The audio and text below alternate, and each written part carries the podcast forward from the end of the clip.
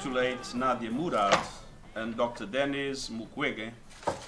on being awarded the 2018 Nobel Nadia Peace Murad Prize. နဲ့ Dr. Dennis Mukwege တို့ Defending the victims 2016 Nobel ငြိမ်းချမ်းရေးဆုချီးမြှင့်ခံရတဲ့အတွက်ကျွန်တော်ချီးကျူးဂုဏ်ပြုပါတယ်။ပဋိပက္ခတွေအတွင်းလိမ်မိုင်းဆိုင်ရာအကြမ်းဖက်မှုခံခဲ့ရတဲ့သူတွေကိုအကာအကွယ်ပေးခြင်းအပြင်သူတို့နှစ်ဦးဟာကျွန်တော်တို့မျှဝေခံစားတဲ့စံတန်ဖိုးတွေကိုလည်းအကာအကွယ်ပေးခဲ့တာဖြစ်ပါတယ်။အဲ့ဒါကတော့ နော်ဝေးနိုင်ငံအော်စလိုခြေဆိုင်နိုဘယ်ဆုကော်မတီက2018နိုဘယ်ငြိမ်းချမ်းရေးဆုရှင်တွေဖြစ်အီရတ်နိုင်ငံကယာဇဒီအမျိုးသမီးနာဒီယာမူရတ်နဲ့ကွန်ဂိုသမ္မတနိုင်ငံကတာဖွားနဲ့မိယပါရဂူဒေါက်တာဒန်နစ်မူဂွေဂေတို့ကိုပူးတွဲချီးမြှင့်တဲ့အကြောင်းအောက်တိုဘာလ9ရက်နေ့ကထုတ်ပြန်ကြေညာလိုက်ပြီးတဲ့နောက်ကုလသမဂ္ဂအတွင်းမှုချုပ်အန်တိုနီယိုဂူတရက်စ်ကအခုလိုဆုရှင်နှစ်ဦးကိုချီးကျူးပြောကြားသွားတာပါအီရတ်နိုင်ငံမြောက်ပိုင်းနေ ယာဇဒီမျိုးနွယ်ဝင်ဖြစ်တဲ့နာဒီယာမူရတ်ဟာ2014ကသူအသက်22နှစ်အရွယ်မှာထိုစဉ်ကော်ချိုးဆိုတဲ့ကြီးရွာကို Dash IS စစ်သွေးကြွတွေဝင်ရောက်စီးနင်းပြီးဖမ်းဆီးခေါ်ဆောင်ခြင်းခံခဲ့ရတဲ့ယာဇဒီအမျိုးသမီး6000ကျော်နဲ့တူပါဝင်ဖြစ်ပါတယ်။အတွေ့အမှုချုပ်ဂူတရက်စ်က Nadia Murad gave voice to unspeakable abuse in Iraq နဒီယာမရတ်ဟာ extremists အီရတ်နိုင်ငံမှာစိတ်ကိုဆိုးရွားလာတဲ့လောက်ရတွေကျူးလွန်ခြင်းခံခဲ့ကြရသူတွေအရေးကိုရှေ့ရှုဆောင်ရွက်ပေးခဲ့သူပါအစွန်းရောက် dash အကြမ်းဖက်သမားတွေဟာယဇီဒီလူမျိုးအထူးသဖြင့်အမျိုးသမီးနဲ့မိန်းကလေးငယ်တွေကိုပြစ်မှတ်ထားခဲ့ကြတာဖြစ်ပါတယ်ရာဇဝတ်မှုနဲ့မူရေးစေးနှိမ်နင်းရေးဆိုင်ရာကုလသမဂ္ဂရဲ့2016ချစ်ကြည်ရေးသံတမန်အဖြစ်သူဟာလူကုန်ကူးခံရသူတွေနဲ့လိမ်ပိုင်းဆိုင်ရာကျွံပြုခံရသူတွေကိုစားရှေ့ရှုဆောင်ရွက်ခဲ့တယ်လို့ ပြစ်မှုကျူးလွန်သူတွေကိုအရေးယူအပြစ်ပေးနိုင်ရေးအတွက်ကြိုးပမ်းဆောင်ရွက်ပေးခဲ့သူပါကွန်ဂိုနိုင်ငံသားမိယတာဖွာပါရဂူဒေါက်တာရက်ဒစ်မူဂိုဂီကတော့ဘူကာဗိုမှာပန်စီဆိုတဲ့ဆေးရုံကိုမတည်ခဲ့ပြီး1990ခုနှစ်ကစလို့ကွန်ဂိုဒုတိယပြည်တွင်းစစ်အတွင်းအဓမ္မပြုကျင့်မှုကိုစစ်လက်နဲ့တွင်အသုံးပြုခဲ့တဲ့လက်နက်ကိုင်းတပုံတွေရဲ့လူမဆန်စွာပြုကျင့်မှုကိုခံခဲ့ရတဲ့ကွန်ဂိုအမျိုးသမီးတွေကိုကုစားပေးခဲ့ရမှာတနေ့16နာရီလွတ်လွတ်က နေ့စဉ်ခွဲစိတ်ကူတာမှု10ကြိမ်လုပ်ခဲ့ပြီးအမျိုးသမီးတွေဘဝပြန်လည်ထူထောင်ရေးအတွက်ကြိုးပမ်းပေးခဲ့သူဖြစ်ပါတယ်။အန်တိုနီယိုဂူတရက်စ်က Dr. Denis Mukwege has been a fearless champion for the rights of women caught up in armed conflict who ဒေါ have က်တာဒနစ် suffered မူဂွေ rape, ဂေဟာလက်နဲ့ဆွဲကင်ပဋိပက္ခမှာအဓမ္မပြုခြင်းခံရသူခေါင်းပုံဖြတ်ခံရသူတွေနဲ့အခြားရက်စက်ကြမ်းကြုတ်လှတဲ့ချိုးဖောက်မှုတွေကို ခံစားခဲ့ကြရတဲ့အမျိုးသမီးများအခွင့်အရေးအတွက်စတိရှိရှိရှေ့ရှုဆောင်ရွက်ခဲ့သူပါ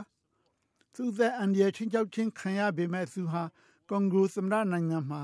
ပန်စီဆေးရုံကိုဖွင့်လှစ်ပြီးစေဝါကုသပေးခဲ့သူပါကုလသမဂ္ဂကသူ့ရဲ့ကြိုးပမ်းမှုတွေကိုထောက်ခံအားပေးခဲ့ပါတယ်စစ်အတွင်းအမျိုးသမီးတွေအပေါ်တုံ့လှုပ်ထောက်ချပွဲပြစ်မှုတွေကျူးလွန်ခဲ့ကြတာတွေနဲ့ပတ်သက်လို့သူကကဘာကနိုးကြမှုရအောင်စွမ်းဆောင်နိုင်ခဲ့သူဖြစ်ပါတယ်သူဟာ ကျွမ်းကျင်တဲ့ခွဲစိတ်ဆရာဝန်တူအနေနဲ့ပြင်းထန်တဲ့ဒဏ်ရာဒဏ်ချက်တွေကိုခံစားခဲ့ကြရတဲ့အမျိုးသမီးတွေကိုကုစားပေးခဲ့တဲ့အပြင်စိတ်ဓာတ်ကိုပါပြန်လဲခိုင်မာအောင်လုပ်ပေးခဲ့သူပါမူရတ်နာဒီယာရောဒေါက်တာဒန်နစ်မူဂိုဂီရောနှစ်ဦးစလုံးတို့ဟာဆာကရော့ဖ်ငင်းချမ်းရေးဆုရှင်တွေလည်းဖြစ်ကြပါတယ်ဒေါက်တာမူဂိုဂီကနိုဘယ်ငင်းချမ်းရေးဆုချီးမြှင့်ခံရမှုနဲ့ပတ်သက်လို့အခုလိုပြောခဲ့ပါတယ် The Nobel Prize is for us on this expression that the international community uh, understand and there is a recognition of the နိုဘယ်ငြိ suffering မ်းချမ်းရေး of, ဆု uh, အခုလိုချီးမြှင့်ခြင်းဟာလိမ်မိုင်းဆိုင်ရာအကြမ်းဖက်မှုခံကြရတဲ့အမျိုးသမီးတွေခံစားရမယ့်ဘေးဒုက္ခကိုနိုင်ငံတကာကနားလည်သဘောပေါက်တယ်ဆိုတာကိုအတိမတ်ပြုရရောက်ပါတယ်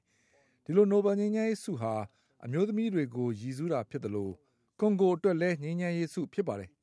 ဒါကြောင့် ကွန်ဂိုတနိုင်ငံလုံး စည်းလုံးညီညွတ်ကြပြီး ငြိမ်းချမ်းရေးအတွက် ဆောင်ရွက်ကြပါစို့။ငြိမ်းချမ်းရေးဟာ လူတဦးတယောက်ထဲနဲ့ တည်ဆောက်လို့ မရပါဘူး။ကွန်ဂိုမှာ လူတိုင်းပါဝင်ကြိုးပမ်းရမှာ ဖြစ်ပါတယ်။”ရာဇဒီ လူ့အခွင့်အရေးလှုပ်ရှားသူ Nadia Murad ကတော့ နိုဘယ်ငြိမ်းချမ်းရေးဆု ချီးမြှင့်ခံရမှုအတွက် သူ့အတွက် တာဝန်ပိုကြီးလာတယ်လို့ ဆိုပါတယ်။“ပြီးခဲ့တဲ့ ၄ နှစ်ဟာ ကျမအတွက် သိပ်ကို ခက်ခဲလှပါတယ် ကျမခံစားရတဲ့ဒုက္ခတွေအကြောင်းအများသိအောင် ကျမစူးစမ်းခဲ့ပါတယ်။ကျမစာအုပ်ထုတ်ခဲ့ပြီးတဲ့နောက်ကျမကိုယ်ရိခံစားချက်တွေအကြောင်းထုတ်ဖော်ပြောခြင်းစိတ်တိတ်မရှိတော့ပါဘူး။ကျမအကြောင်းမပြောတော့ဘူးလို့ကျမစဉ်းစားခဲ့တယ်။တခြားမိန်းကလေးတွေလိုကျောင်းတက်ဖို့အတွက်ဦးစားပေးခြင်းခဲ့ပါတယ်။ဒါပေမဲ့အခုတော့ကျမအပေါ်မှာတတာဝန်ကြီးတရက်ကျလာပြီလို့ကျမခံစားရပါတယ်။ Nobel ဆုဆိုတာကကမ္ဘာတဝန်းငြိမ်းချမ်းရေးအတွက်ရုန်းကန်ခဲ့တဲ့ ကြိုးပမ်းခဲ့ကြတဲ့သူတွေကို ဆုချီးမြှင့်တာဖြစ်တော့ ကျမအတွက် တာဝန်ကြီးဖြစ်လာပါပြီ။ကျမအနေနဲ့ မိသားစုရော အနာဂတ်ရောတိတ်ခါရော ဆုံးရှုံးခဲ့ရတာ ဖြစ်ပါတယ်။ကျမဘဝကို ဆက်ပြီးရင်ဆိုင်ဖို့အတွက်အားအင်တွေ ကုန်ခန်းခဲ့ပါတယ်။လိန်ပိုင်းဆိုင်ရာ အကျင့်ဖက်ခံခဲ့ရတဲ့တန်ပေါင်းများစွာရှိတဲ့ အမျိုးသမီးတွေအနက် ကျမတဦး အပါဝင် ဖြစ်ပါတယ်။ဒီအမျိုးသမီးတွေအတွက် တရားမျှတမှု ရရှိဖို့ လိုအပ်ပါတယ်။အမျိုးသမီးတွေရဲ့အတန်တွေကို လူတွေကြားသိလက်ခံစေခြင်းနဲ့သူတို့ခံစားခဲ့ကြရတဲ့ဆိုးဝါးလှတဲ့ဘဝအကြောင်းကို အမျိုးသမီးတွေအနေနဲ့ထုတ်ဖော်ပြောကြားသင့်ကြပါတယ်။နာဒီယာမူရတ်ဟာမူဆိုးမြို့မှာရောင်းစားခံခဲ့ရပြီး ISIS တူလက်ထက်ကလူမြောက်ခဲ့တဲ့အချိန်ကစလို့ရာဇသီအမျိုးသမီးတွေလွတ်မြောက်ရေးအတွက်ကြိုးပမ်းခဲ့သူဖြစ်ပါတယ်။သူဟာကုလသမဂ္ဂမူရစေးနဲ့ရာဇဝတ်မှုနှိမ်နင်းရေးဆိုင်ရာချစ်ကြည်ရေးတန်တမန်နဲ့ဖြစ်ပါတယ်။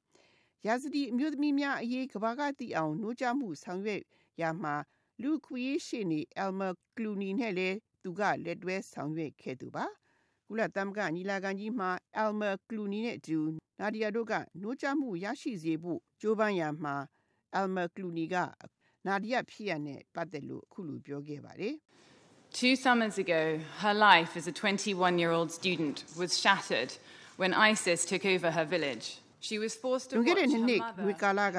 သူဟာအသက်22နှစ်ကျောင်းသူအရွယ်မှာဘဝပြစ်ခဲ့ရပါတယ်။ IS တွေကသူတို့ရွာကိုဝင်သိမ်းခဲ့တယ်။သူ့အမေသူ့အကိုနဲ့မောင်တွေအသက်ခံရဖို့သူ့ရှိတွင်ခေါ်သွားတာကိုသူတွေ့ခဲ့ရတယ်။16နှစ်အရွယ်သူ့တူမလေးကိုလည်း IS ကခေါ်သွားခဲ့တယ်။နာဒီယာကိုတိုင်ကလည်း IS အကြမ်းဖက်သမားတယောက်လက်ကနေနောက်တယောက်လက်ကိုလွှဲပြောင်းခံခဲ့ရတယ်။သူ့ကိုသူတို့ဘာသာအရအတင်းအဓမ္မဝတ်ပြုခိုင်းတယ် အလှပြင်ခိုင်းတယ်